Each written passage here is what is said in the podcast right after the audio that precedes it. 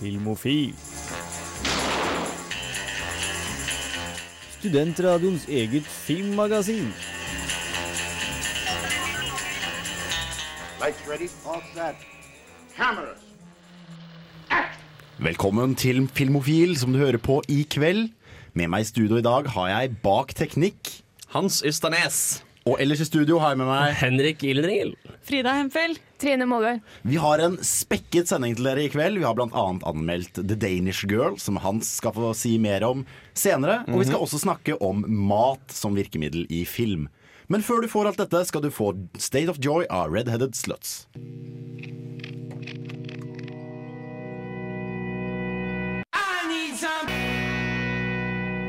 Her i Filmofil liker vi å prate om ting vi har sett siden sist. Og Hans, hva Ja. har du sett siden sist? Du, jeg har sett uh, Jeg skulle til å si jeg har sett mye. Jeg har ikke sett så mye egentlig, men jeg har sett mye av én ting. Jeg har binget alt av Luther. Alt? Alt. Hvor mye er det? Det er Tre engelske tre sesonger. sesonger ja. på mellom seks og fire episoder Lange. av én time. Wow, ok. uh, Men altså, det er ikke bare det at det er typisk engelsk med lange, få lange episoder, men det føles lenge. ja! Men, men, men det, det jeg likte så jævla godt med den serien, er hvor uh, I hvert fall i typ første sesong og deler av sesong to, hvor jævla godt sammenskrudd skurkene var. For, altså, altså Greit nok, make no mistake. Idris Elba som Luther, fucking amazing.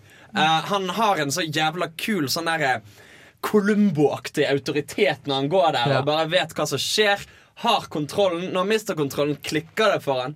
Og, og, og du har denne følelsen av at liksom han vet akkurat hva han vil ha, og hva han skal. Når ting ikke går som han vil, greit, da fucker det seg til, men jævla bra karakter. Han er sånn ice cold motherfucker, liksom. Ja, men, men, men, men så har du disse skurkene, sånn som han ene, han ene skrullingen i sånn episode to eller tre i sesongen. Han med hammeren? Eh, Nei. han, første han, han lille skallede pluggen. Ja. Eh, uansett. Som på en måte spiller psycho på en så skummel Altså Nesten sånn Heath Ledger-aktig måte. ja. Eh, hvor du bare oppriktig sitter og er redd for dette mennesket. Altså den, den galskapen som Sherlock oppfatter jeg gjør bra mye av tiden. Og også noe av det som fanget meg litt med Jessica Jones, den galskapen i den serien, den råheten. Begge de to føler jeg er på en måte arvtakere av det Luther gjorde først utrolig bra, som er den, den råskapen. Og den, du, blir, du blir grepet og trukket inn bare av hvor rått det er. Ja, ja, ja. Ja, fordi det føles Det er litt sånn Det kommer jo noen år før Sherlock, og du ser at det er Jeg tror de som lagde Sherlock, også har sett mye på Luther. For det er lange episoder. Det er en veldig sånn utpreget antihelt som er veldig dyktig i det han gjør, men også bare noen sånne karakterer og psykoer som er uh, helt der ute. Ikke sant? Og det er jo interessant at de har klart å lage gritty realisme og sånn, uten at det blir som Jason Bourne og The Dark Knight-greie. Men Mener vi nå at skurken, altså Moriarty spilt av Andrew Scott, er, er inspirert? litt- ja. Eller Sherlock som Nei, he hele Sherlock-konseptet, vil jeg si. Ok. Ny, Nygjenskapningen av Sherlock. for, Ja, okay, ja. for det er nesten litt sånn Hva skal jeg si Det er nesten litt sånn Monster of the Week, bare med seri seriemordere. Oh. Og, Serial og, killer. altså, jeg, jeg, syns- for jeg syns nesten at det taper seg litt når de begynner å dra ting over flere episoder. Ja. Altså Med unntak av selvfølgelig Jeg tror det er sesongfinalen i sesong én som er forbanna heftig. Ja. Um, jeg skal ikke si noe i detalj, men det fungerer så altså. fungerer så jævlig bra. Men, um, men, men etter hvert så begynner de å dra litt lengre linjer, og ting strekker seg over episoder. Og da merker du at her har ikke de helt liksom eh, fundament nok til å kunne dra det så langt ut. Men når det bare er sånn Monster of the Week-opplegg, så syns jeg det fungerer så jævlig bra. Og de tar jo også Det følger i motsetning til Sherlock, som blir litt sånn moderne fairytale. Et eventyr, rett og slett. Så har, har Luther en slags sånn gritty realisme i bunn, så du, du tror mer på det. Ja, ja. Selvfølgelig, Hvor mange sinnssyke, fantasifulle seriemordere finnes det i London? Det er én ting, men allikevel så sitter du der og tenker at dette kunne skjedd. Og jeg tenker at det er veldig det er veldig For å henge på det du sier, da Jan, nemlig med den realismen og grittinessen. Det Luther, når jeg begynte å se på det, husker jeg at den serien minnet meg på hvor skjørt livet var. For yeah. du sitter og ser på det, så blir du faktisk redd for at det kan faktisk skje. Jeg kjører rundt i lille bilen min og sånn, og anytime kan hvilken som helst idiot bare tenne på bilen min, liksom. Så jeg, jeg ble redd for mitt liv av å se på. Altså, det, det var, det, den gjorde det så ekte, da. Ja, Og andre som har sett ting siden sist, så har vi Frida. Ja, jeg var på faktisk jeg og Trine skal sies, men jeg fikk lov til å si den, for jeg har sett så lite annet. Eh, så vi var på søndagsfilmen på Samfunnet, Ja. og så Fargo.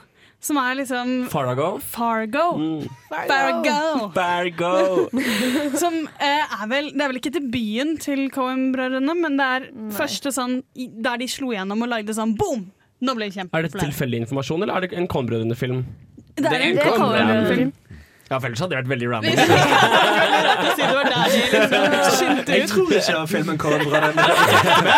Mye fordi det ikke var de som regisserte den. Men Men, men den er eh, Å, den er på en måte Den er jo kjent som en sånn derre viktig punkt i filmhistorien som på en måte Jeg har i hvert fall hørt om den sånn. At det var sånn før Fargo og etter Fargo. Og denne, den måten å gjøre krim på som kanskje gjorde at i hvert fall Nordic Noir har tatt av så mye, tror jeg man skal gi mye til Yes. Fargo. Du har liksom disse snødekte Det handler om en fyr sånn, I starten så leier han noen til å kidnappe kona si fordi han skal presse svigerfaren for løspenger. Eh, ting skjer, det eskalerer, og som så mange andre så geniale planer, så skjer det jo litt uventede ting. Nummer én så kjenner han ikke de han eh, ber om å ki- kidnappe dem, og ting skjer. Og så følger du det, samtidig som du følger en av de kuleste politietterforskerne laget på film. For det er så deilig i motsetning til det som er så vanlig.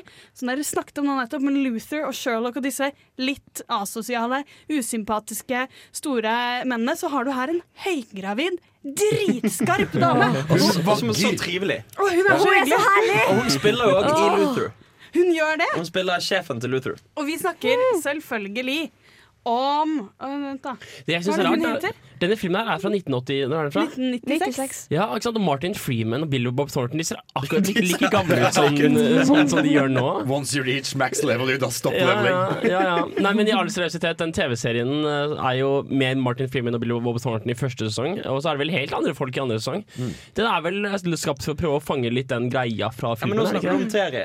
Serien. Ja, jeg vet det. Var, første var ment som en spøk når jeg refererte til skuespillerne. Ah, okay. Men så plukket ingen opp på den, så da, da var Da fortsetter vi å slå på den spikeren. Nei, da tenkte jeg at um, TV-serien Tenkte jeg å si noe nyttig om den, nemlig at den er bygd på Ja, filmen. første sesong er vel ganske helt lik, men uh, mens den Andre andre sesong er bygger på noe helt annet. Jeg har ikke sett. TV-serien i det hele tatt. Er det rett og slett en remake av filmen sin plott? Mye samme greie, tror jeg. Ja, Det er vel litt sånn noen blir kidnappet og ting går til helvete. Men jeg syns det er veldig gøy det du sier om at den filmen etablerte egentlig Nordic noir-sjangeren. Fordi før den så hadde du egentlig ikke noe særlig. Etter det så fikk den en måte eh, Insomnia, Nesbø og- Ja. Insomnia, Jo Nesbø som kommer nå, og de der, den som foregår ikke teknisk sett på Svalbard, men det er på Svalbard. eh, den serien som går nå som jeg ikke husker helt eh, hva heter. Og den med Michael Gambnet. Ja, i hvert fall det er noen Ja. sånn overnaturlige greier og sånn. Det er en sjanger som jeg tror har tatt litt av i det siste, og det blir veldig gøy å se hvor det går videre. Men før det så skal vi få Young Girls med Death by Unga Bunga. Du må gjerne gå inn og like oss på Facebook. Det er torsdag, det er kvalitetstid. Det er Filmofil.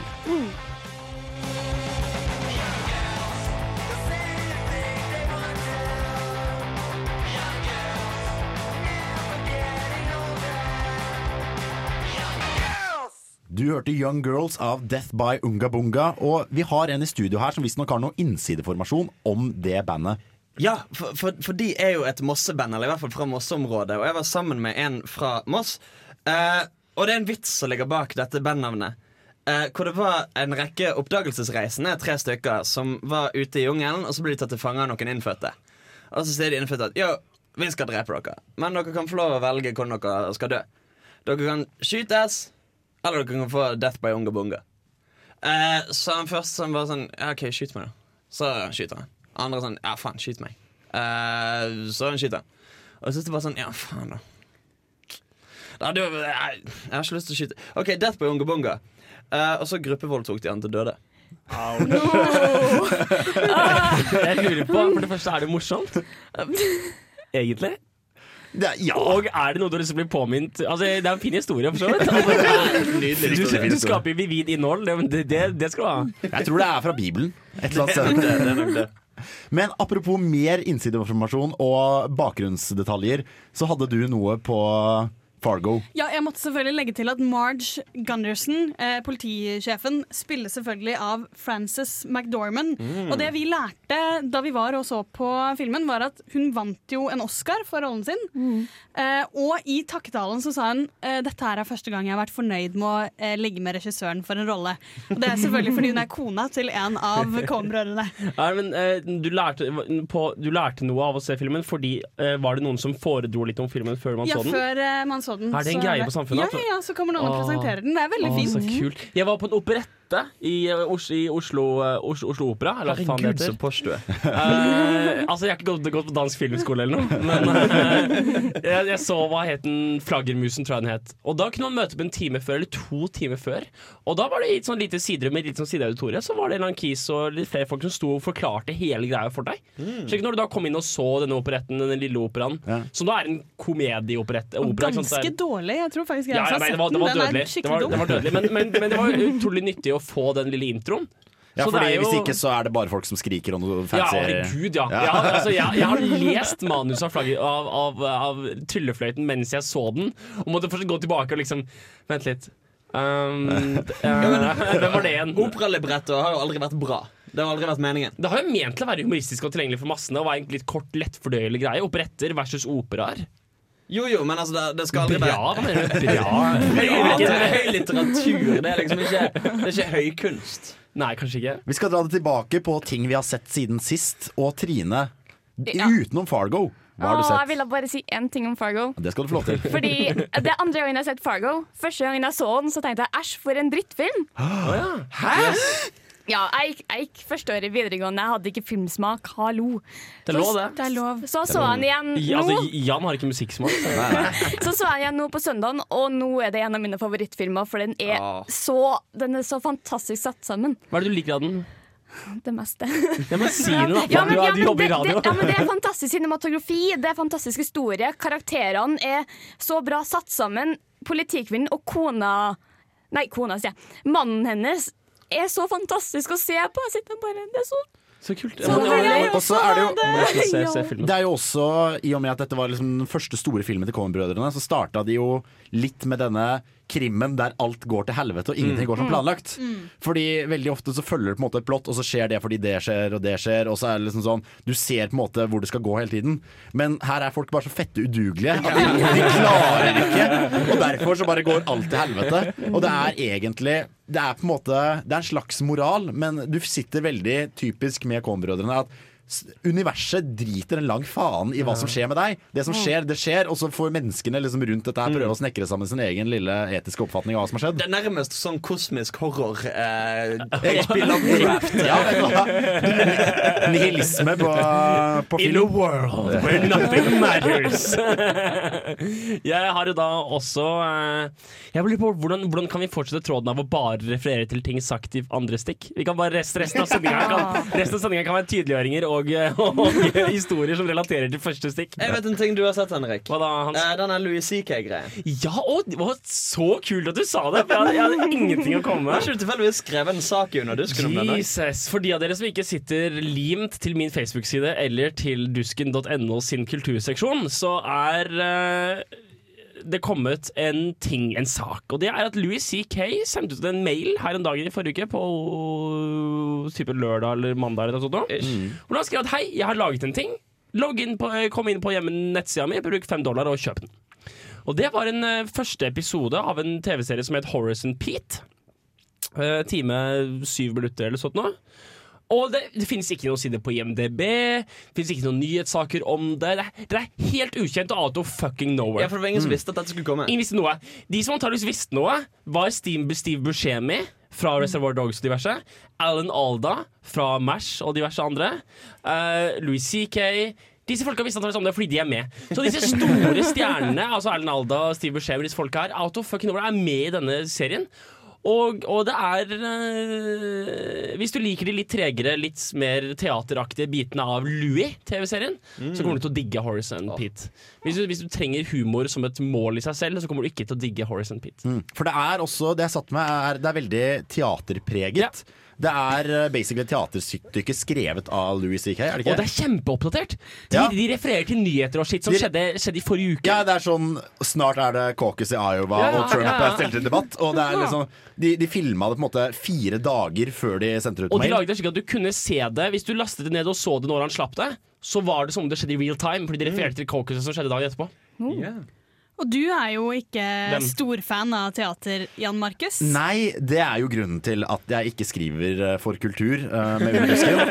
Det er grunnen til at jeg alltid går på pressevisninger. Fordi jeg har et merkelig tilfelle av sånn, en slags form for sosial angst. Hvor jeg da sitter i kinosalen, nei, i teatersalen og tenker nå sier de snart noe galt. Nå sier de snart noe galt De kommer til å glemme manus. Så kommer publikum til å se på hverandre og tenke oi, han har glemt manus. Og så, så begynner han å, å svette, liksom. Svetteflekkene Svetteflekken vokser. Svetteflekkene mine vokser i takt med han på scenen. Så hører, liksom, så hører du suffløren sitte bak der, og så sånn Si dette! Og så, Hæ?! Og så vet ikke han hva han skal si, og så klapper alt sammen, og så raser kulissene. Teatret brenner. tre stykker fake hjerteattakk. Ja, Så du har mobiler begynner å ringe. Du er basically sceneskrekk på vegne av skuespillerne. Ja, jeg har sceneskrekk på vegne av de som står der. Og jeg prøvde å si til deg at dette er jo tatt opp. Ja. Så er Så, men det, det, jeg gjorde, det jeg gjorde, var at uh, for å distansere meg fra skuespillerfølelsen, så måtte jeg tenke ok, dette er klippet på forhånd. De har klippet vekk bloopers, sånne ting. Og så fant jeg ut at i VLC så kan man sette på et sånt filter som gjør at det ser ut som en tegneserie. Oi! Så jeg så? Ja, så jeg eh, Det er basically Tenk deg tenk deg at du går i Photoshop og setter på Oi. sånn at det ser ut som en tegne... Sånn cell-shading-greie. Ja, sånn selvshading-greie. Jesus. Så jeg satte da på det, og, Og det så, funket? så resten av greia som en tegneserie. Fordi Vet du hva? Jeg skal få nå se alle pinlige TV-serier. sånn. Jeg skal se Arrested Development, jeg skal Ja, se ja, ja. Parks and Recreation, jeg skal se Curb Your Enthusiasm. Jeg skal sette på cell-shading på alt og se det sånn. Men det hjalp virkelig. Altså, jeg kunne gå så langt. Jeg fant så også ut man kan, man kan se den i ASKI. Men det var VLC. Vet du hva? Det her synes jeg vi skal poste på Facebook-gruppa. Og vi kommer til eh, Vi skal Vi poster rett og slett på Facebook-gruppa, så kan du finne ut hvordan VLC kan eh, vise selvshading og Uh, sånn ASCII-art. Men aller først, Henrik. Vet du at verdens eldste BitTorrent-fil er en ASCII-versjon av The Matrix? Nei. Fins Den er, den? den er, det er den lengst sidete som fortsatt er sidet torrenten i verden. Er en ASCII-versjon av The Matrix. And on that bombshell skal vi få They Were Wrong av The Dogs.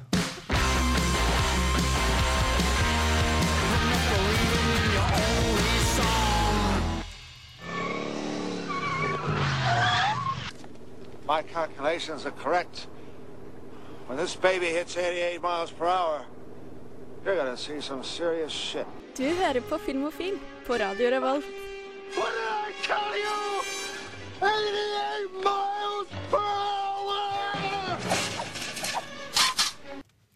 Par hundre kilometer sørvest for det studioet her, så finnes det et land som lager bri, bagetter og prentensiøs film. Stavanger. Belgia.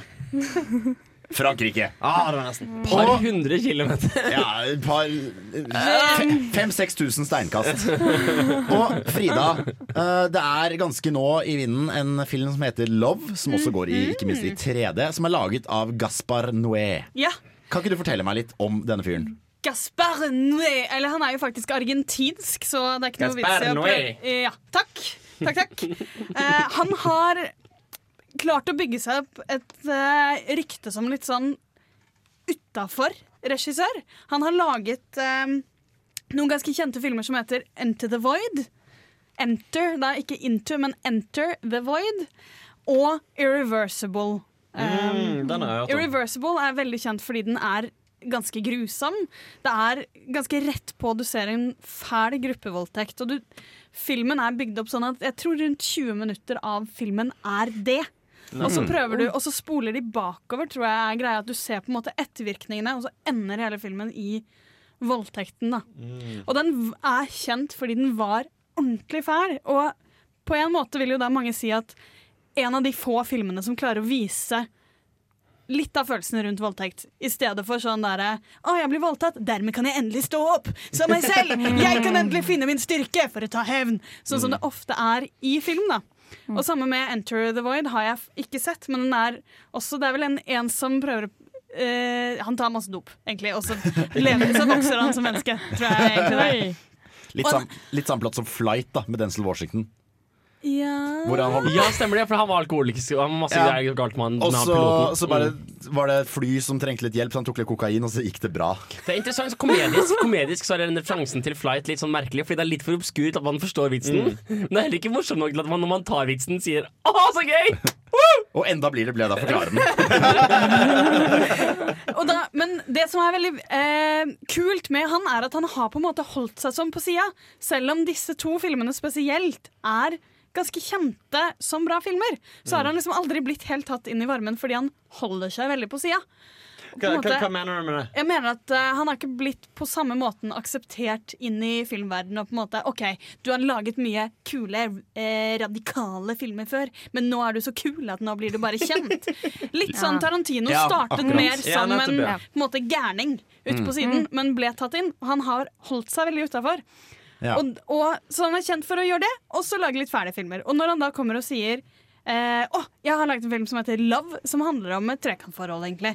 Av folk som er glad i hverandre, og så ligger de mye. For jeg syns det er viktig at vi viser ligging som kjærlighet. Ja, for det har jo vært masse ståhei rundt dette her i Frankrike, med religiøse kon, liksom, religiøse vet dere, konservative grupper som mener at dette her bør ikke vises på kino, det sømmer seg ikke, det er, det er synd. Og Og trist og leit. ja, jeg, jeg forstår, jeg forstår eh, hvorfor de sier det, i og med at de hater sex. Eh, fordi dette er en film med fryktelig mye sex. Hvis ikke dette kommer fram, så har jeg da sett den. Eh, det er en film hvor, hvor eh, på et tidspunkt så ejakulerer hovedrollen i kamera. Eh, gjerne, Jeg fikk ikke sett den med 3D-briller, men det er, liksom, det er dataanimert litt ekstra, så du skal liksom sitte der og føle at du blir ejakulert på. Så Satt du sånn og tok deg i luften foran Ja, Det sa vi kanskje ikke. Den viser selvfølgelig i 3D. Ja. For det er viktig å få dette her i liksom full romlig Ja. forståelse. Tror det er sånn 4D med sånn sprayflasker. Det eneste som hadde gjort med det, er sånn lukten av sex begynner å ose inn i studio når de driver og pøker rundt. Nei, men dette er jo en film som som viser sex eh, på en veldig realistisk måte. Det skal den ha. At det er, det er et parforhold som har sex slik mennesker har sex, og ikke slik pornoskuespillere har sex. Altså type sånn to minutter, og så sovner man, eller hva? Nei. Og så- og så sier du unnskyld Ja, sier beklager, det, det, Det her her pleier ikke å skje meg. Men jo, spørsmålet mitt er, er det her en sånn film som er vanskelig å beskrive som bra eller dårlig fordi den er så merkelig, eller er det en bra eller dårlig film? Det er en dårlig film. Ja. Og, og grunnen til det er at eh, det er sexscenene er gjort bra. Det er liksom Jeg leste anmeldelser på IMDb hvor folk var, det var mye slakt, og så var det noen som sa Åtte av ti! Jævlig bra sexscener, men de kunne klippa ut det i midten. Litt omstendelig porno, Ja. rett og slett. Eh, og egentlig så har jeg, jeg 15 sekunder som oppsummerer uh, hele filmen. Det er dialog skrevet, eller eh, akkurat i dette tilfellet her, en slags monolog, skrevet av regissøren selv, som har skrevet både manus og klippa dette her. Og jeg tenker liksom, Er det skuespilleren som sier dette, eller er det, er det her på hemmelig vis regissøren som prøver å fortelle sin intensjon med filmen? I want to make movies out of blood, sperm, and tears. That's so sweet. this is this is like the essence of life. I think I think movies should contain that. This is like the essence of life, man. Jeg får veldig sånn der eh, Zoolander Uh, Water is the essence of moistness. Ja. Og så er et annet sitat der også hvor han snakker om kjærlighet. Uh, hvor han sier da How can something so wonderful make so much pain? Og jeg bare Wow, du er 14, og du er jævlig dyp! Det skal sies at i Cannes så sa jo faktisk eh, regissøren at uh, manuset det var nøyaktig syv sider langt. Oi. Oi! Wow. Ja. Og det, det, det merker jeg fordi det er basically en film om en fyr som uh, har trekant med kjæresten sin, og så begynner han å fortsette å pøke den ene jenta de dro med inn. Og så blir hun gravid. Dette er ikke spoiling engang, for dette skjer veldig tidlig i filmen. Det kommer veldig tidlig fram Og så liksom gjennom masse flashbacks forteller dette her. Og fyren er først og fremst ekstremt uh, lite interessant. Han er en pretensiøs faen som går rundt og liksom Å nei, jeg pulte noen, og jeg gjorde dem gravide. Hvordan kan dette skje meg? Men er, er, det noe, er det noe på en måte handling i filmen? For det høres på en måte ut som det bare er sånn Ja, de puler, og så gravide, Ja, nei, Det er jo dette liksom trekantdrama hvor han, skal liksom, han er kjempe, åpenbart kjempeforelska, men har tydeligvis unge med en annen som han ikke liker. Ja. Så han går rundt og hater livet sitt fordi han vil ikke være i dette forholdet, men han har et barn. Kan vi kanskje istedenfor anbefale Ice Wide Shut, en Kubrick-film? Mm, ja, men der er Ikke, jo ikke som en, re ikke som en Jeg- referanse på noen måte, bare som en annen film. Jeg vil anbefale en film og fortelle fakta om det. Istedenfor så kan du se Blå er den varmeste Ja, fargen. å si. Hvorfor Fordi, sa ikke Frida det? fordi Det er en bra film, så alle syns det. Men det er en film som har også fremstiller sex uh, veldig realistisk og veldig bra, og det er ikke 50% av filmen. Og det i Ja, det er ikke langt unna. Ja, Nei, vet du hva, Min venninne ble skuffet. Hun Ja. kom Det var ikke tilbake og var sånn Unnskyld meg, Frida, jeg ble lovet lange sexscener. En liten ti minutter. Men det som er fader ikke interessant her, er også at den eh, filmen 'Blå er den varmeste fargen' er fortsatt mye større grad sensurert enn Gaspar Noés 'Love'. Mm. Fordi det er ikke det at filmen eh, Den er jo mye mindre seksuell, det er mye mindre sex i den. Men enten så har folk blitt mer liksom OK, vet du hva, 'Blå er den varmeste fargen' gjorde det først, Mm. så da kan vi like så godt vise 'Love'. Eller så er det det at der er det faktisk to lesbiske homofile jenter som har sex. Og det, det går jo ikke godt hjem i Nei, et katolsk Hvem land. er det som er med? Er det Alicia Vikander? Nei. Nei. Er det. Lea Sudou? Ja. Ja, Det er hun, det. ny Nye, nye Bond-dama. Nye Bond-dama. Ja. Stemmer det. Så se blå øyne. Så anbefalingen vår er ikke se Love, med mindre du liksom liker å bli ejakulert på med 3D-briller. Kanskje verdt å se i 3D hvis du er interessert i filmen. Sex? Altså, du Ja. må vi, ja. Hvis du er interessert i å se sex i 3D, så er kanskje Jeg tror det er eksperimentet han gjorde også. Så kanskje å ikke se den i 3D, så er det på en måte waste. For det var aldri meningen at det skulle være bra. Det skulle være sex. Kan jeg anbefale den der Gordon Levitt Jr. Gordon, Gordon Levitt jr.-filmen? Den derre John Don John. Gordon Levitt. Eh, Ja, og filmen het Don, Don John. John, Don John. en film som behandler sex på en litt interessant måte. Kanskje. Ja, nei, Vi kan vel egentlig konkludere med at Love er en dårlig film, men sexen er bra. Nå skal vi få Lexington Hotel med Snøskred.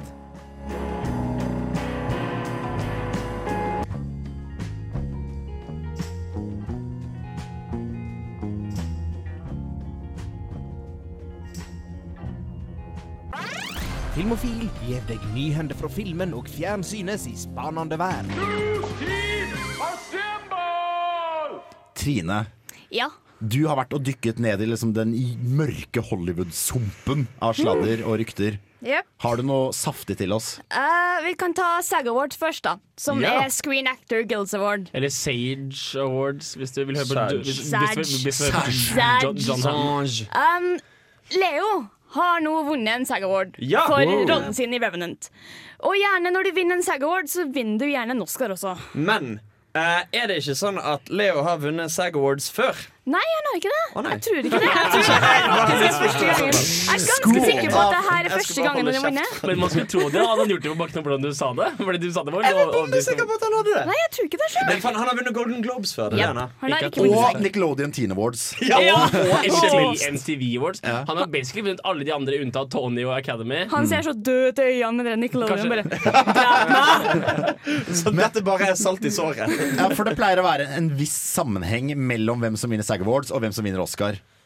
Ja, for at eh, mange, mange av dem som sitter i SAG Awards-komiteen, sitter også i Oscar-komiteen. Så det er sånn du vinner, du vinner av og til en Oscar hvis du får en SAG Award. Ja, for Akademiet er vel egentlig laget av gildene, som Ja. Ja. er Og- og- Og dette her er da skuespillergildet. Og det er jo i mange, av, i mange av kåringene så er det jo de som tilhører det gildet som stemmer over sin egen kategori. Det er jo kult med, med SAG at en del kule utnevnelser. Apropos, apropos Idris Elba vant vel to, gjør han ikke det? En Jo. for Luther og en for Beast uh, of ja. Beast of Nation. No Nation. Som han ikke var nominert for uh, til Oscar. Nei. Nei, jo! Supporting, eh, tror jeg faktisk. Ja. Supporting for Beats of No Nation. Mm. Eh, Instagram skal komme med en scripta serie. På 15 sekunder hver.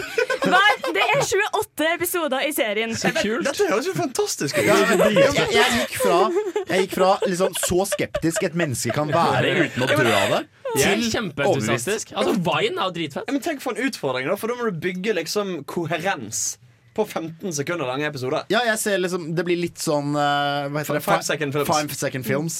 Skal vi se. Den skal hete Shield 5. Eller jo, Shield 5. Den skal handle om en uh, security driver i London. Det, Jeg er så positiv allerede!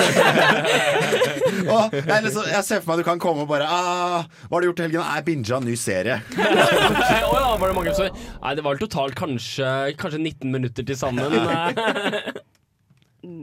ja. Bare kjør den på nytt, du. De andre snakket. Ja, de andre snakker. OK, nå skal du få en skikkelig. Godt jobbet. Alt du mangler nå er å slippe den lyden av knappen som trykkes. Å, herregud. Eh, Kevin James er innblanda i en eh, ny Netflix original movie. Å, faen. Filmen Kevin James for uh, Paul oss. Blart Mallcop, kongen av Queens. uh, oh, ja. Pixels. Han er, han Wow, er han har ingenting bra! han er, han er virkelig kongen av dritt. Ok, eh, Filmen skal hete True Memoirs of an International Assassin. Uh, den, den, skal være, den skal bli regissert av eh, Jeff Wadlow, som regisserte Kickass 2. Eh, Nettopp. Plottet Jeg har så lyst til å lese plottet. Plottet er A mild-mannered would-be author gets mistaken for a killer for hire when his fictional novel about an international assassin is published as a true story. The book is a huge success- success, and he is suddenly kidnapped and taken to Venezuela and forced into an assassin plot. Ok, Jeg, jeg mista litt troverdigheten fordi Kevin James skal spille en forfatter, og jeg tror ikke han kan lese eller skrive.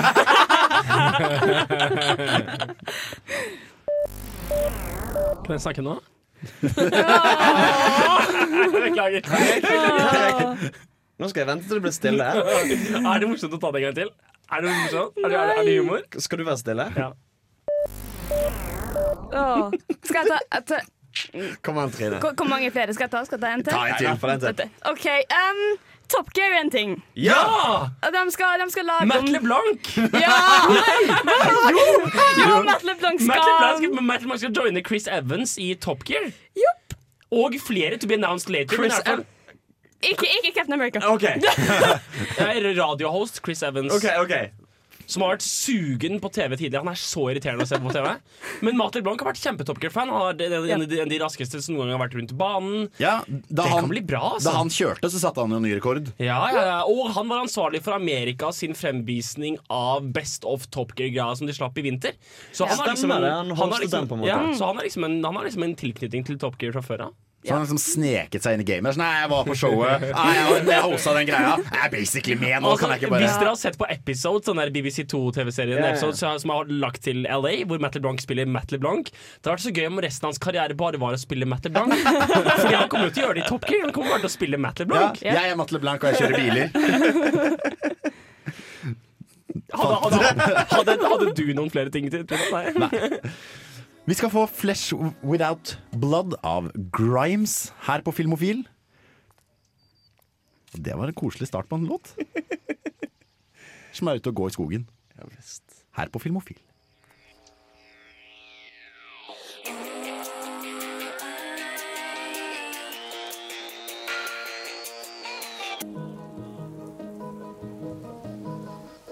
For et program i burra med både klasse og stil. Du hører på Filmofil.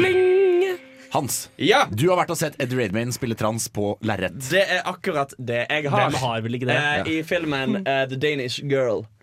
Og ja, Du har laget en anmeldelse også. jeg har det. Skal vi altså bare høre den med en gang? Syns jeg vi skal. Right, here you fucking go. Det nærmer seg Oscar-utdelinger, og i den anledning begynner en del Oscar-filmer å komme til Norge.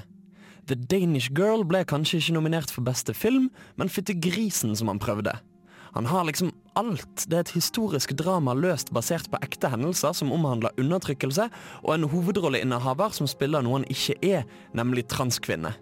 Det er på ingen måte noen dårlig film, men så mye ved han virker så kynisk og kalkulert at det er vanskelig å bli helt grepet. Han har kjempebra skuespill og fin cinematografi, men til syvende og sist ble jeg sittende og kjede meg. Exactly what happened last night? There was a moment when I wasn't me. There was a moment when I was just Lily. But Lily doesn't exist. We were playing a game. Vi er på 20-tallet og følger det danske malerparet Lilly Elbe og Gerda Wegner. Født som mann Einar klarer ikke Lilly å undertrykke kjønnsidentiteten sin lenger, og begynner å leve mer og mer som kvinne. Hun møter massiv motstand fra et samfunn hvor det overhodet ikke finnes aksept for transkjønnethet, og må jobbe for å få anerkjennelse som kvinne. Og jo da, det finnes mye bra å si om dette, spesielt rundt fordommene Lilly møter, som må sies å være mye de samme som de transpersoner møter i dag.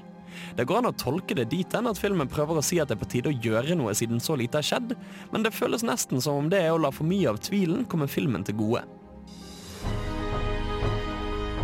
Surgery has never been attempted before. You're my own life. They could kill you. It's my only hope. This is not my body. I have to let him go.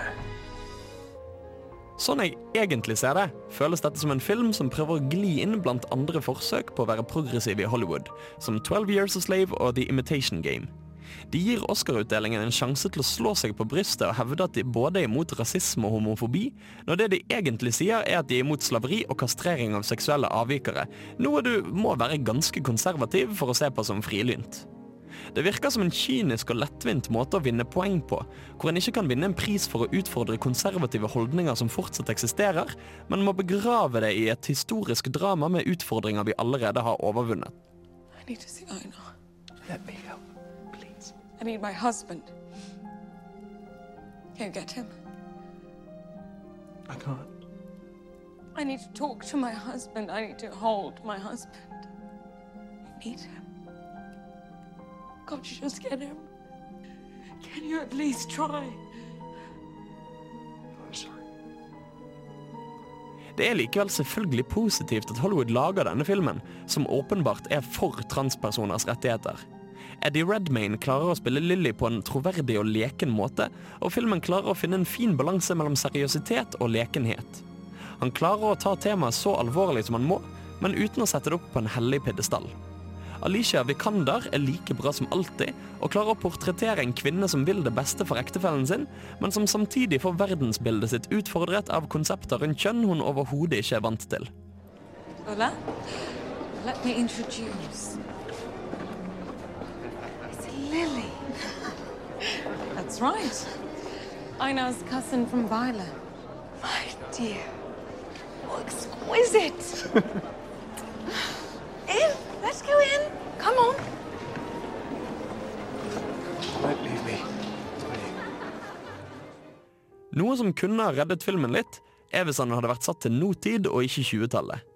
Den historiske settingen virker som en forsvarsstrategi, både for å gi en mer Oscar-vennlighet og for å ufarliggjøre problemstillingene filmen tar opp. Dette kunne ha vært en veldig god film, men den er altfor tam og lineær til å være noe mesterverk. Det blir så simpelt, det finnes ingen subtekst, og utover at det er en historie om en transkvinne som møter vanskeligheter, så er filmen ingenting. Jeg tror ikke han kommer til å forandre noen tankesett, og det er i stor grad en film som er glemt idet du går ut av kinosalen. Det er ingen dårlig film, og jeg vil nok anbefale at en ser den på DVD, om så bare for å få med seg Eddie Redmayne som gjør en knallrolle. Men det er en film jeg skulle ønske at var så mye, mye bedre. Hmm.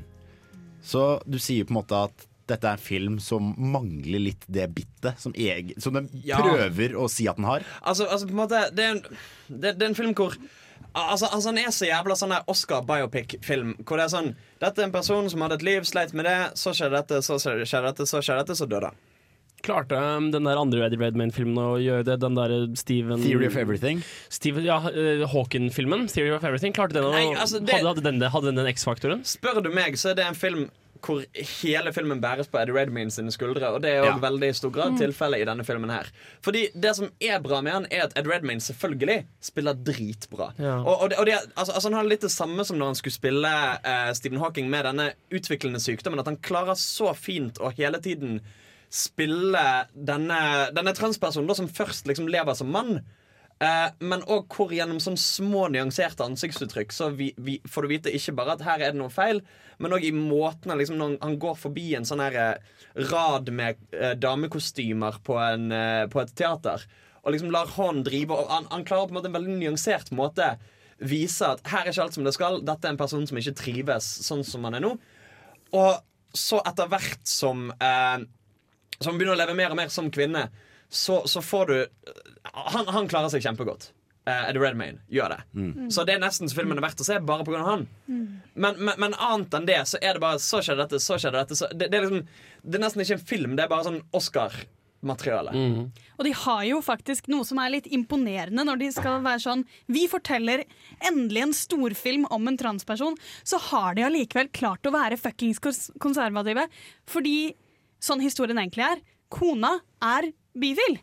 Så hun var sånn Å ja, OK, men så kult. Greit, ja, men vi kan bare fortsette dette her. Jeg skjønner Og det er ikke i filmen? Og det er hun ikke i filmen. Der er det jo lagt fram som et ordentlig problem at de Ja, glir fra hverandre, for hun er sånn Ah, men jeg liker ikke De Jeg hørte det. jo For, for, for det, er jo en, det er jo en av de store konfliktene i filmen, nemlig det at hun prøver veldig å på en måte være Mm. støttende, samtidig som hun åpenbart syns dette er veldig rart og ekkelt. Og de har jo sagt at de gjorde det for å ikke komplisere historien. Men så jeg, på en måte, jeg antar at de, det de mener Det ble litt sitt mye å svelge for Ja. Ja, fordi alle vet at å, være trans og operasjon sånn, det er svart-hvitt rett fram i dag. Det er ikke noe problem. Ja, Ingen ikke noe tvil. problem ja, det Det kan være en sammenligning da, mellom det han snakker om den lineariteten og den enkelheten, og ja, det er vakkert, og ja, det er pent, og Ed Redmayne spiller kjempebra, og sånn, men det er ingen dybde og ingen interessant bit av det. Det kan være litt samme grunn som det at de droppet at hun var bifil.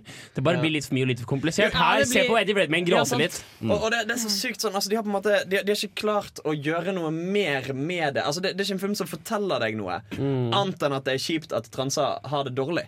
Men hva skulle den gjort, da? Har noen noen idé om hva den skulle gjort for å gjøre det mer Altså, interessant? jeg, har jo, jeg lager jo ikke film av en grunn, nemlig at jeg ikke kan gjøre det. Jeg uttaler meg jo vilt om hva de burde være. Og, og det, det, det, det er gamle, gamle Pondus-sitat med jeg, 'jeg kan komme på ski, så du ser meg ikke sette ut fra Holmenkollen'. Ja. Men, men, men, men for jeg står ved det at jeg syns denne filmen burde foregått eh, i nåtid. Mm. Eh, Mm. at, det, at det skulle vært, samtidshandling. Fordi at For det første, altså, i hvert fall da hadde du fjernet hele denne distansen fra det. For, for, for du får veldig Altså, jeg føler på en måte han faller litt mellom to stoler. I det at han faller litt innom det der eh, 12 Years a Slave-greien med at det i stor grad portre portretterer eh, ting vi allerede er litt ferdig med. Eh, som for eksempel, En av greiene er jo at uh, hun skal opereres for å bli liksom fullstendig fysisk kvinne. Mm. Og det går dårlig. Eh, og, og, og litt sånne ting som er veldig sånn Ja, men dette er ikke et problem lenger. Hvorfor tar dere opp denne problemstillingen? Mm. samtidig som det er veldig reelle problemer der, men det føles forkledd igjen i det at det er en, et historisk drama. Og da får du litt den følelsen av at eh, de prøver å se at det blir lett å tenke da at ja, sånn var det da. Glad vi ikke er der lenger. Når dette er problemer som i aller høyeste grad fortsatt eksisterer. For det, du kan på en måte tenke at ja, hovedkarakteren i filmen her har vært død i mange år, så det er sikkert Mm. problemstillingen også. Men altså, altså, make no mistake. Det er, det er en film med et godt budskap. Nei, altså, altså fordi Transproblemstillingen er jo på en måte fortsatt veldig aktuell. Og det at i det minste eh, Hollywood går ut og sier Vet du hva, det er greit å være transe, de burde ha rettigheter, er jo en positiv ting i seg sjøl, men jeg skulle ønske det var mer film. Ja. At, at de hadde gjort mer med det. Kan kanskje se Dallas Buyers Club istedenfor? Ja, ja, ja. Jared, Jared Leto som dame. Ja, sant det. Det er vel kjent som et ganske dårlig portrett hvordan filmen bygger opp han. Fins det noen gode transefilmer, da? Hva med hva oss Eddie Izzard live, da? Jeg føler det er på tide med snart ny sending med skeiv film. Det er drag, ikke trans, vel. Å, gud. Ja. Ja, selvfølgelig. Enn så lenge, mens vi prater om dette her i låta, så skal dere få høre Young You med Kakk Madafakka her på Filmofil. Looks like me and Vincent caught you boys at breakfast. Sorry about that. What you having? Hamburgers. Hamburgers. The cornerstone of any nutritious breakfast. What kind of hamburgers? Uh, che- cheeseburgers. No, no, no, no, no. Where'd you get them? McDonald's, Wendy's, Jack in the Box, where? Big kahuna burger. Big Kahuna Burger. That's that Hawaiian burger joint. I hear they got some tasty burgers. I ain't never had one myself. How are they? They're good. You mind if I try one of yours? This is yours here, right?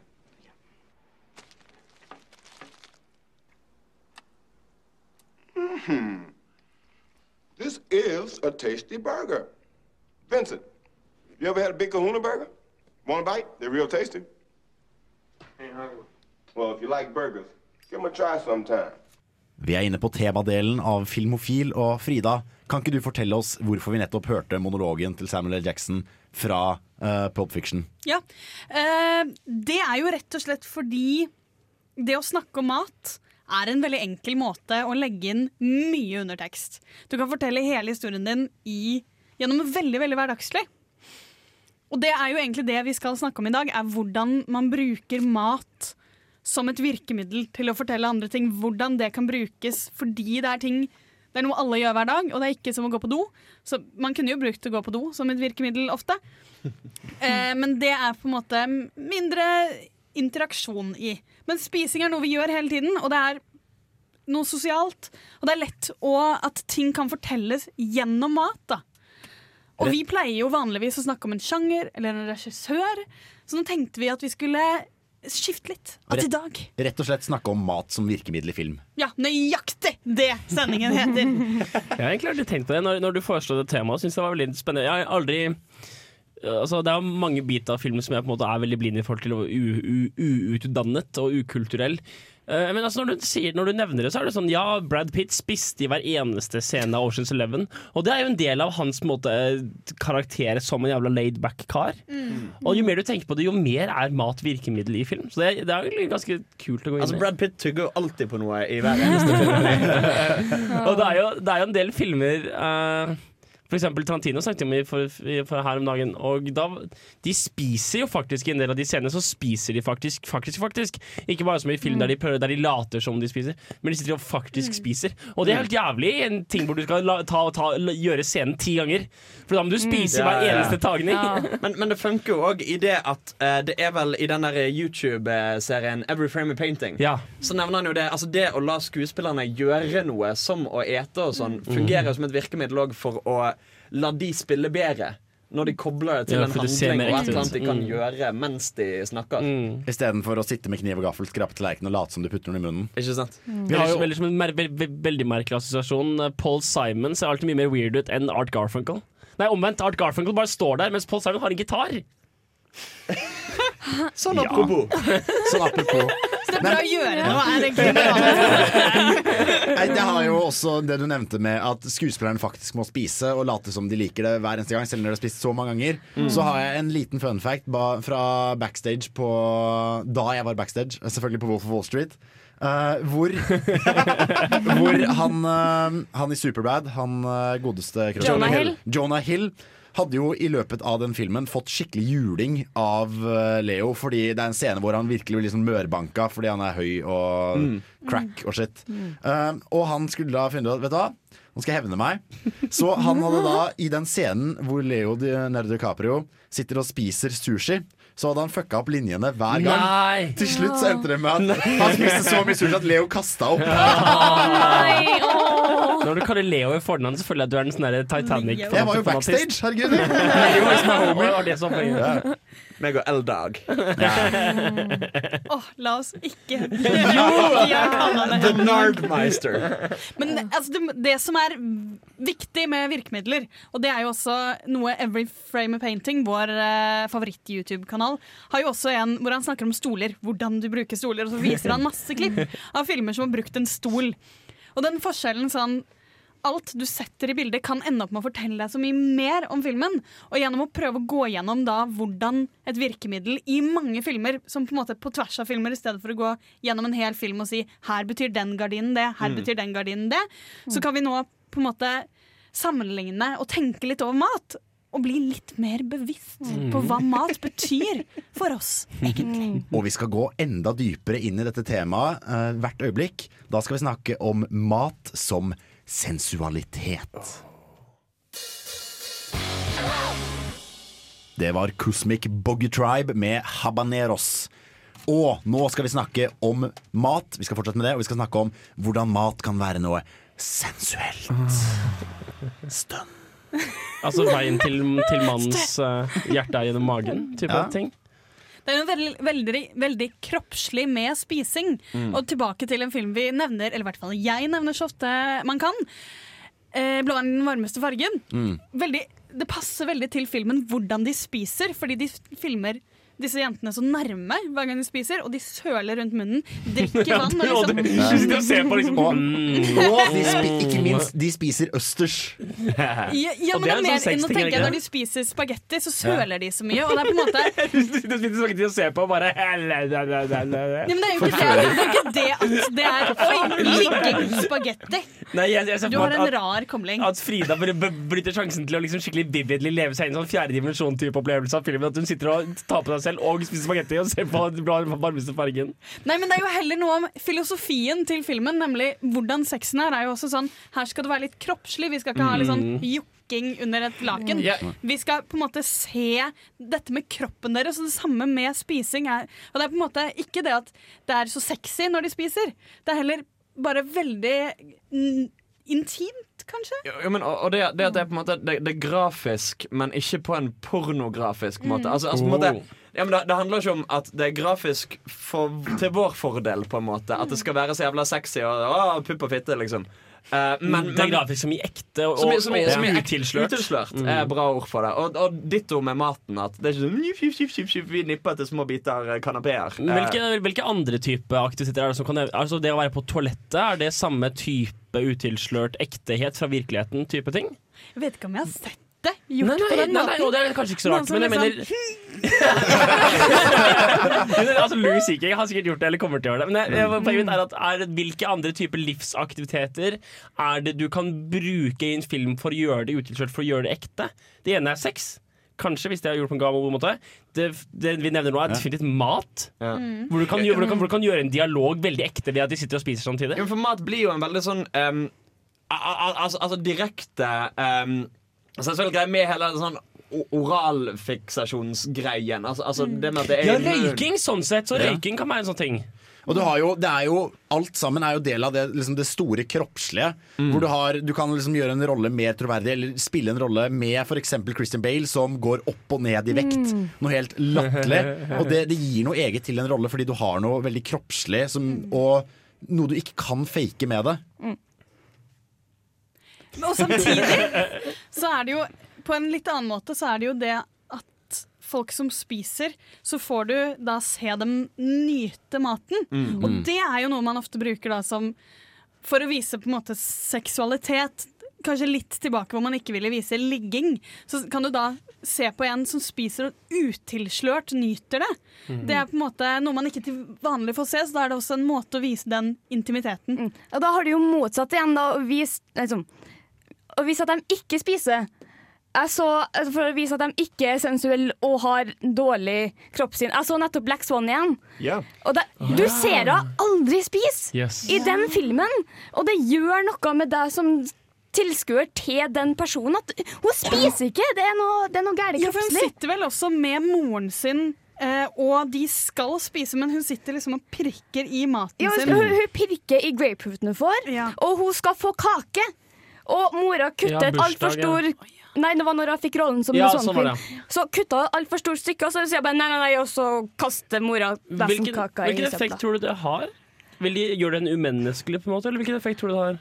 Det, det bygger jo på stresset og angsten og presset i den filmen, og Ja, på den karakteren. Ja, hun er ikke avslappet nok til å spise, liksom. Og, det, og det er jo et eller annet med det at altså, altså det å ete er liksom en så essensiell del av det å på en måte leve. Du må ha mat for å ikke dø. Ja. Eh, og da er det klart at Når du ser folk som har så liksom store greier med det å spise, så sier det jo det er noe om sinns, sinnstilstanden til det Mm. mennesket. Mm. Mm. Og også at du, du klarer aldri å slappe av. Det er sånn Ja, men skal, skal Ja. ikke du spise Sk- Skulle ikke du Få i deg noe mat, da, jente! Ja. Få i deg noe mat. Det finnes filmscener der folk sitter og gestikulerer med noe de, Og så er det kan de putte det i munnen, og så sier de noe likevel. Det er sånn filmversjonen av det akkurat den samme tingen i virkeligheten. Det er derfor det blir mer ubehagelig å se på når en karakter ikke spiser. Vi skal snakke mer om dette temaet med ukas hjemmelekse, som er sjokolade. Den sånn omtrent gode filmen med Johnny Depp. Ja, omtrentlig, ass. Omtrentlig gode filmen med Johnny Depp. Hvor det da er mat og sensualitet i et fint, harmonisk samspill i form av ukas hjemmelekse. Får håpe du som lytter der hjemme, har sett den.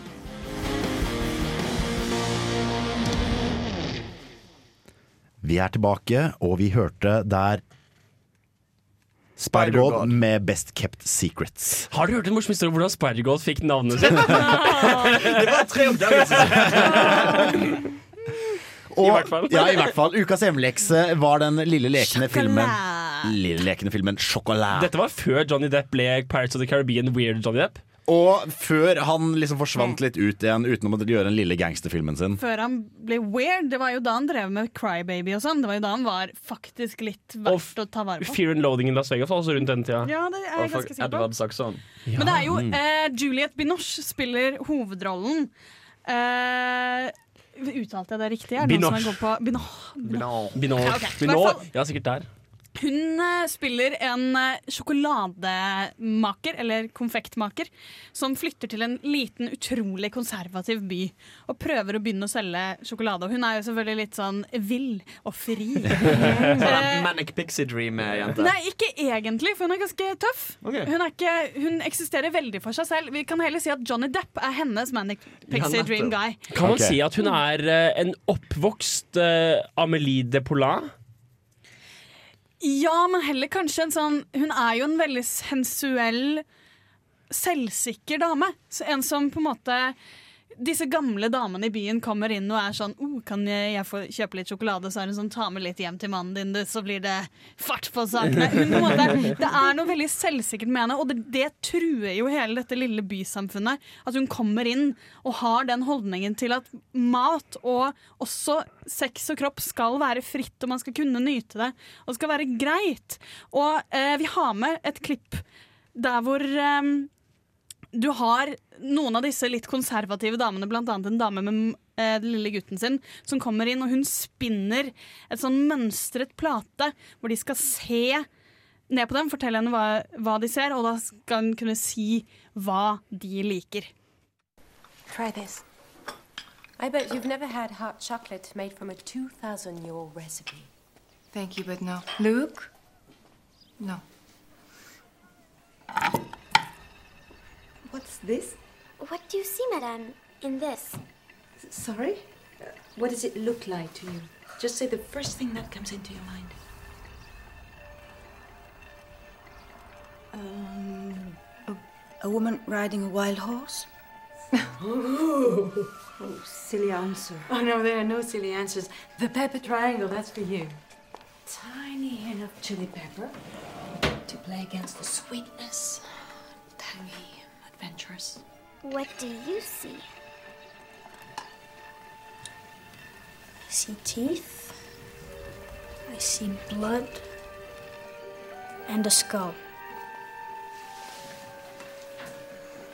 Very dark. Bitter chocolate, that's your favorite. Uh, uh, which will have to wait five weeks more? Lent? Thank you. We must run along.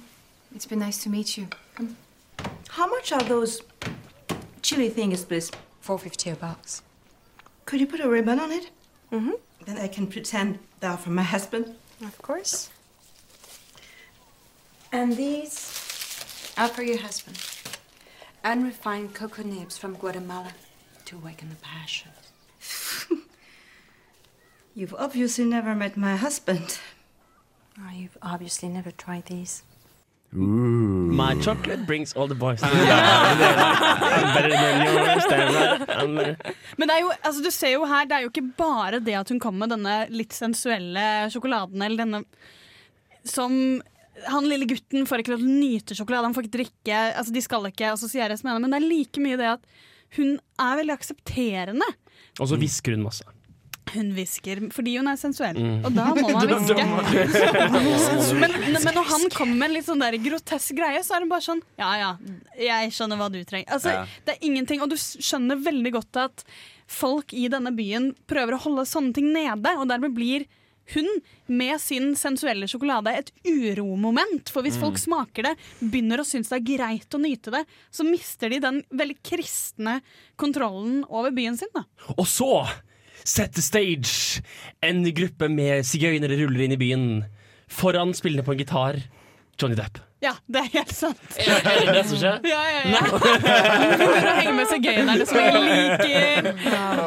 Oi, oi, oi. Ja, det, er, det skal sies nå som vi har snakket om den. Den, ha, den er en sånn film som er litt sånn Hvordan fikk de så gode skuespillere? I hvert fall Juliette Binoche er jo bare virkelig god i alt hun gjør. Sånn at hun klarer å gi filmen sånn litt verdi, Mm. men det er jo fortsatt ikke en bra film. Det, men du får lyst på sjokolade. Rett og slett. Så dropp filmen, spis sjokolade istedenfor. Vi skal høre 'Hvite menn som pusher 50' av Carpe Diem. Mye i mediene nå for tida. Og vi kommer sikkert til å høre mer av dem senere også. Lagkick hele veien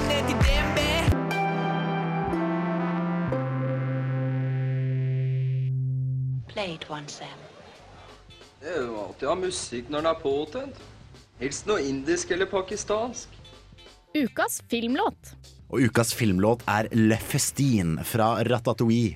Som er en film jeg liker veldig, veldig godt. Ja, også.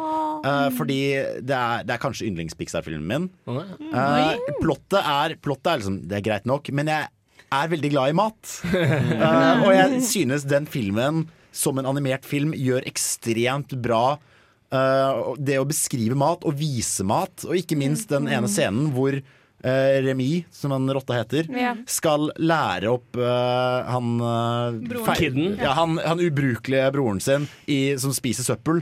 Ja. Ja, til hva er mat? Hva, Ja. hvorfor, hvordan du kan Mm. blande smaker. Sånn, hvordan de Mm. klarer å vise smak med musikk og farger. Jo, På, på samme måte som Inside Out, eller hva heter den Pixar-filmen? Inside Out. Ja. Mm. Nei, det føltes ikke riktig. På samme måte som den introduserer deg for følelsesliv og følelser og positivt negativt. og alle disse greiene her som Pixar ja. ja. Så viste denne her hvordan å sette pris på mat. Ja, og ikke minst også det at de bare de klarer å få en dataanimert drue.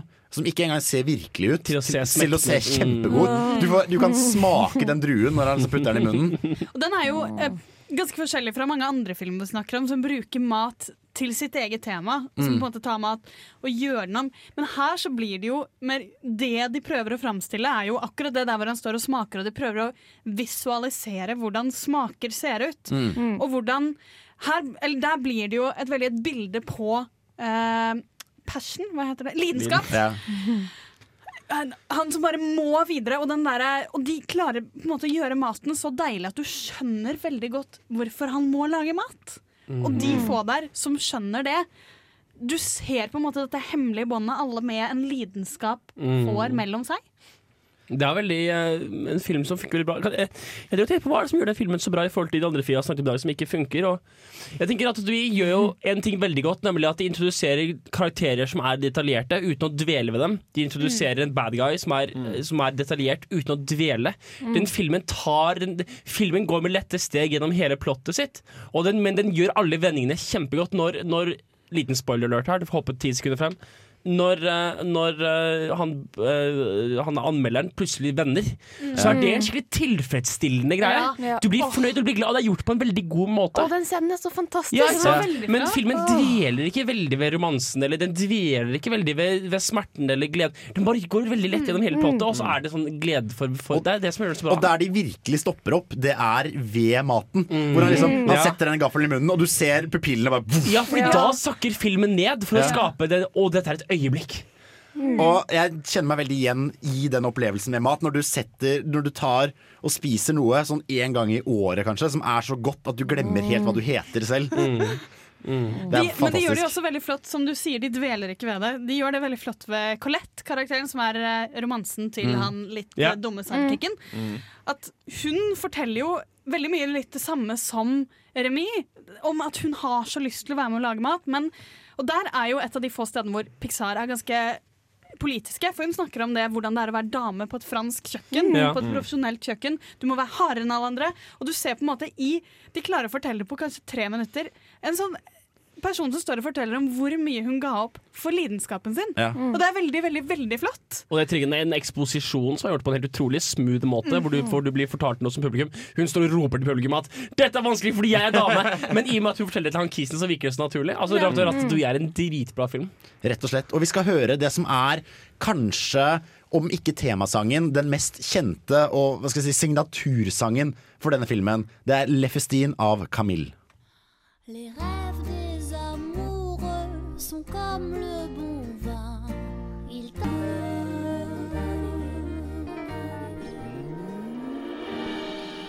If you have a milkshake, and I have a milkshake, and I have a straw, there it is. That's a straw, you see. And my straw reaches across the room and starts to drink your milkshake. I drink your milkshake. I drink it up!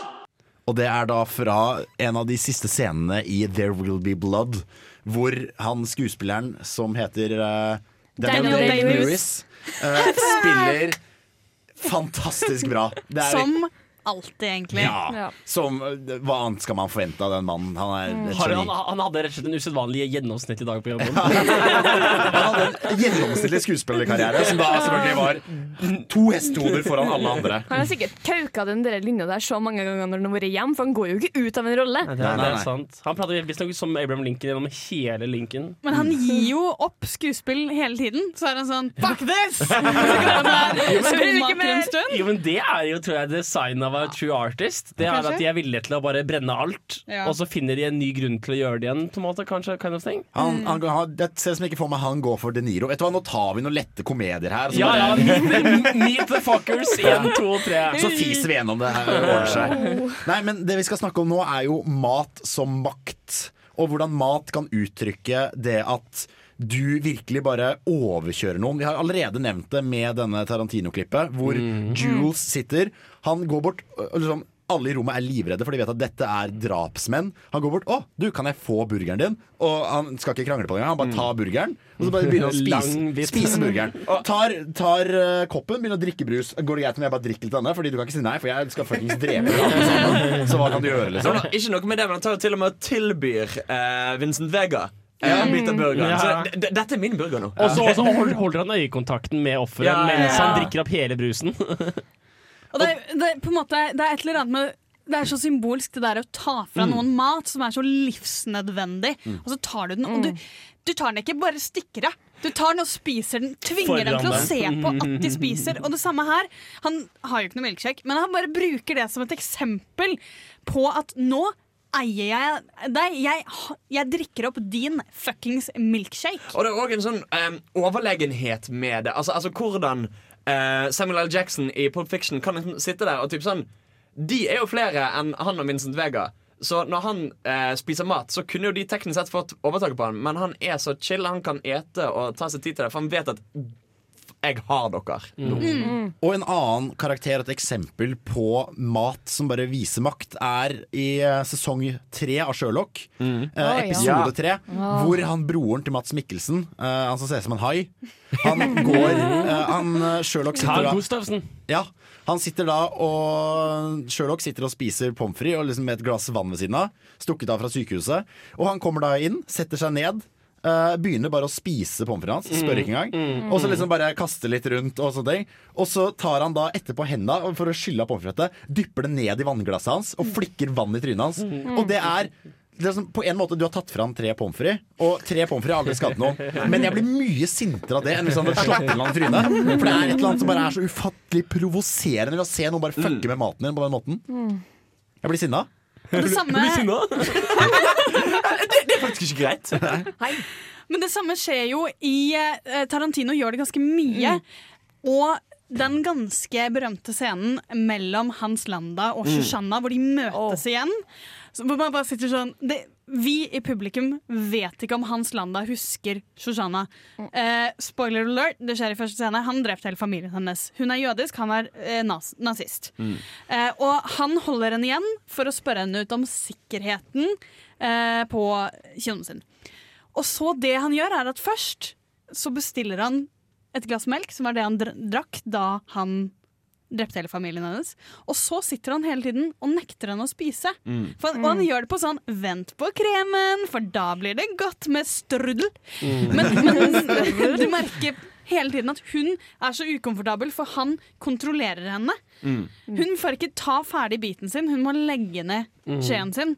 Og han bare eier henne så veldig, hun må gjøre alt han sier. Og det er så godt, god måte å vise akkurat det på. Ja, for du har også dette med at hun blir jo liksom satt ned av to væpnede vakter som nærmest sitter med én hånd på hver skulder. Og så går de ut døra. Du vet at Hvis han, eh, Hans Landa knipser, så er hun død. Ja. Ja. Og bare du ser hun er så tens, og så er det liksom sånn Bare for å vise hvor mye han kontrollerer rommet. Det er at du, nå skal, De har deg rundt lillefingeren. Du gjør faen meg ikke en ting uten at jeg sier det er greit, men jeg gjør det på en veldig høflig måte. Og er veldig koselig sånn Men vi vet begge to hvilken situasjon vi er i. Jeg lurer på om uh, fengselsscene der folk blir for jævlig dårlig mat, om det er en del av Har du et eksempel? Virkemidlene for å skape følelsen av at det er kjipt å være der. Hvor du har den klassiske Hvor noen kommer bort med et brett, og så får du sånn Hva er det til mat i dag? Graut! Ja, ja, er- er Eller gjørme, liksom. gugge. Ja. Og det er, det er jo mat som et virkemiddel for å gi deg liksom For å få deg til å forstå hvor ille det er å være i det fengselet. Mm. Mens i realiteten så får jo ni av ti fengsler har bare burger og dritt. Altså billig fast food. Har de det? Jeg tror det. I hvert fall i Amerika. Altså. Det er fra den tida jeg har til, tilbrakt innafor. Du ligger i gården, sånn X gonna! Give it to you! Han tatoverer deg med sånn prison shank. Du er et råskinn, altså, Henrik. Nei, men bare det og mat som sensualitet, som jeg snakket om, og mat som makt. Og bare hvordan det kan være så forskjellige ting, og hvordan det kan være et uttrykk for deg selv, og også en måte å bare dominere andre på. Mm. Eller det at du er villig til å dele av maten din. Mm. At folk kommer inn og liksom er eh, kjempesultne og er liksom døden nær, og så sitter eh, for eksempel, jeg tror det er pianisten, hvor han kommer og er fette radmager. Han er liksom en time unna å stryke i hjel fordi han er død. Og blir da funnet av en NAS-offiser som gir han liksom matpakke og sånne ting. Mm. Og bare hvor du ser da at Og, og jakken sin. Som, som, det trekker et likhetstegn mellom klær for ikke å fryse i hjel og mat for ikke å sulte i hjel. Han får liksom alt som en, som en mor, som en engel. Og der har du også det med mat som makt. Han hadde makten til hvor som helst å bare enten skyte fyren eller bare gå fra han og dermed la han sulte i hjel. Mm. Men han har makten til også å gi han livet tilbake ved å liksom bare dele noen matpakker. Mm. Mm. Det, er, det blir dypt, ass. Det blir så dypt. Det er fantastisk. Når du sa det sånn, Frida, så ble jeg litt sånn Ja, i hvert fall. Vi skal komme tilbake mer på dette her med mat som nødvendighet og mat som overlevelse. Vi skal, vi skal bare spise litt. og mens vi spiser, skal vi høre 'Voris' av Mats Wawa.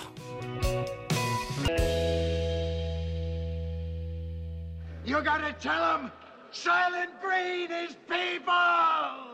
Og det er et lite klipp fra filmen Spoiler warning. Ja, det, Det er, det er da et lite klipp fra filmen Soylent Green, som er mest kjent for sitatet 'Soylent Green is people'. Som spoiler hele Som spoiler hele filmen. Så nå slipper du å se den. Er det en mat, og så har folk vært liksom kannibaler og spist people? Uh, grunnen til at jeg valgte dette klippet i starten, er fordi det, Soylent Green er det folk får servert i dette dystopiske universet, hvor det er overbefolket og mangel på ressurser. Så viser det seg at Soylent Green, som er denne maten de får, er laget av mennesker. Som kommer som en total overraskelse på alle som ikke har lest The Time Machine, eller lest noe særlig science fiction, eller ikke vær blasé eller noe, altså. Blasé? Ja. Er det ikke, er Er ikke er det riktig ord? Ja, det er et ord. Ja, men ok, greit. Vi, vi kommer i hvert fall inn på er det noe du ikke lærte på dansk filmskole, Frida? Yes, det var to i dag! Det var, Ivar, Ivar, Ivar, Ivar, Ivar. Litt, litt svett uh, hands five fra min side. I hvert fall da, siste virkemiddel, eller siste hva skal vi si, undertema av mat som virkemiddel vi skal dykke ned i i dag, er mat som en nødvendighet. Hvor vi var litt inne på dette med det å gi livet som gave. Ja, Det var jo akkurat, vi var inne på det, dette med at det er så godt eksempel hvis folk ikke får spise. Det, eller det viser så tydelig hvor de er i livet. Det er jo som oftest det. Vennlighet i krigsfilmer er som oftest deling av mat. Og altså Som det sykeste eksempelet på dette, fuckings The Road. Uh, Ja. Hvor på en måte Oh. Jeg har ikke sett filmen, jeg har bare lest boken. Men jeg husker at jeg tenkte lenge For der er jo på en måte det dystopiske greier hvor du har en far og sønnen hans som reiser gjennom. Og mye av det handler om å finne mat. Og da er det greit nok sånn, ja, ok, greit, dette kommer til å bli en overlevelsesgreie. Og så finner du det punktet hvor det er liksom en av disse bandene som kjører rundt, som vil ete guttungen. Hvor, du, hvor du bare skifter helt karakter. Du bare blir Holy fucking shit, dette er tense ass motherfucker. Um, og, og, og da, måte, da innser du hvor jævla rævpult hele dette samfunnet er. Mm. Når du innser at noen har blitt kannibaler av det. Det syns jeg også er noe av det Hunger Games gjør bedre enn veldig mye annen uh, young adult. Er at hun bruker veldig mye av tiden sin i arenaen på sånn Skaffe mat, Mm. klappe litt på sårene sine. Og liksom Dette helt hverdagslige som er 'kom deg gjennom dagen'. Som mange bare hopper over, for det er ikke like spennende som liksom jogge rundt med buen sin. Ikke sant? Og altså, Litt apropos uh, Silent Green, så har du jo den uh, franske filmen 'Delikatessen'. Eh, hvor det òg er en sånn slakter som typ de som, eh, som, som et, slakter og eter noen av de som bor i det hoste- hostellet han driver. Og der er jo uh, litt av greien det at altså, det understreker hvor jævla grusomt cheap han er. For det fins korn og andre ting du kan ete. Men han velger likevel å slakte og drepe mennesker fordi at det fins ikke noe annet kjøtt. Og han må ha kjøtt, selvfølgelig. Mm. Eh, så derfor tar han og dreper mennesker. Og du får òg altså, disse kundene som kjøper kjøtt av han. Og det er på en måte Det er tydelig at de vet kanskje litt at det er mennesker, men de bryr seg ikke, for de skal bare ha kjøttfiksen sin. Sånn som vi snakket om i sted med pianisten og makten han nazioffiseren hadde når han gir han mat. På samme måte, hvis vi ser på mat som en livsnødvendighet, så viser jo mangel på mat og sult viser en veldig hjelpeløshet. Så når du har introduksjon av en ny karakter, eller noe, så kan du automatisk gjøre han til veldig hjelpeløs og veldig stakkarslig ved å få han til å gi et, en brødbit veldig mye oppmerksomhet. Eller hvis han bare sitter og liksom prøver å passe med ristende hender Prøver å passe på en liten sliten, skitten fille med kyllingfilet. Ja, ja. Så det var kanskje ikke det beste. Den skål med Jeg kommer fra Bærum, OK? Jeg kommer fra Bærum. Han hadde bare et par korn med, med liksom fuckings russisk kaviar. Stakkar. Og da, altså, da har du at, at, at, at, Igjen et veldig godt eh, virkemiddel for å gjøre dem hjelpeløse små nytteløse. Mm. Og det kan også virke med at mat er jo veldig ofte på film så fremstilles det som luksus. Det fremstilles som denne lille hva heter den, strudelen med krem. Eh, men det kan også være noe som er tidsnødvendig, for det er noe man bruker. For eksempel i The Martian så er Ja. mat, Ja. mat er, det er kun overlevelse. Han hater jo det han spiser, men han spiser det kun for å overleve. Og det er som Du ser det blir mindre av det, du ser det blir mindre av det, og det er helt fullstendig uunngåelig å bruke det opp, for da dør du. Men heldigvis så er han botanist. Og kommer til å science the fuck out of it. Men eh, for å binde litt tilbake til noe vi snakket om tidligere, med at det Som er, du snakket om tidligere, ja. eh, med at det er eh, no, veldig mye kontroll i det, disse som nekter Mm. å spise. Folk som spiser for mye. Er som oftest også folk som har dårlig selvkontroll. Hvis du tenker på broren til Remy, som på en måte Mm. spiser søppel og spiser dårlig. Shaggy fra Scooby-Doo. Dette er alle sammen folk som ikke er så fine på det. på. Ja, og det der å spise dårlig mat er veldig Altså, Hvem er han som kommer inn i filmen med en pose chips og er sånn Halla, Ja, det er jo drittsekken. Og sjefen, han, han, han the glutenist, han, det er han som er den feite. Og på samme måte som tynnhet er hjelpeløshet, så er også feithet, overflod av mat, det er et tegn på, på, eh, på negativ moral, moralitet. Altså, det er et tegn på at du enten er utnyttersk, eller at du er egoistisk, eller at du er slem. Så det, det igjen har et mat et virkemiddel. Hvis han er omringet av mat, så er han liksom Da er han sånn overmaktet the top 1 type ting. Og det, det er morsomt at det, for et veldig tydelig virkemiddel var når Mycroft i Sherlock Å, juleepisoden var så feit! ja, når han var superfeit og omringet av mat, det brukte de også som en sånn herre Se hvor forskjellig alt er! Herregud! Men det er jo egentlig et veldig eh, Akkurat det er et viktig poeng angående dette med moderne. At i gamle dager så var det stort å ha mye mat. Mm. Men nå er det de rike, eller de er negativt. Mm. ressurssterke, skal ha selvkontroll. Så de skal si nei. Så nå har vi snudd litt på det. At det å kunne si nei er en bra ting. I tillegg til også det at feit mat er billig mat. Ja. Ja, ikke sant? Her på Filmofil.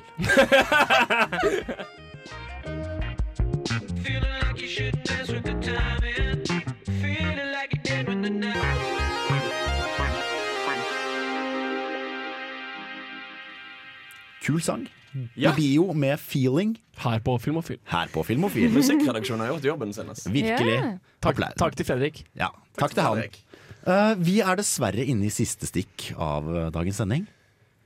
Åh, sier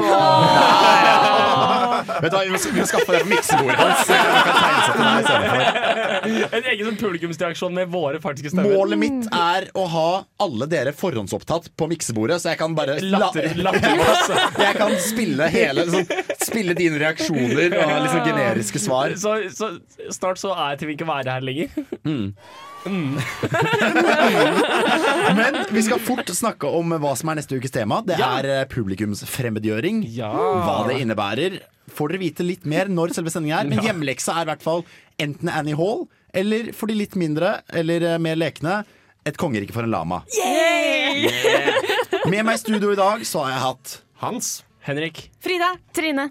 Og Jan Markus, som du hører stemmen til nå. Vi håper du har kost deg med denne sendingen av Filmofil, og at du kanskje har lært noe om mat i film.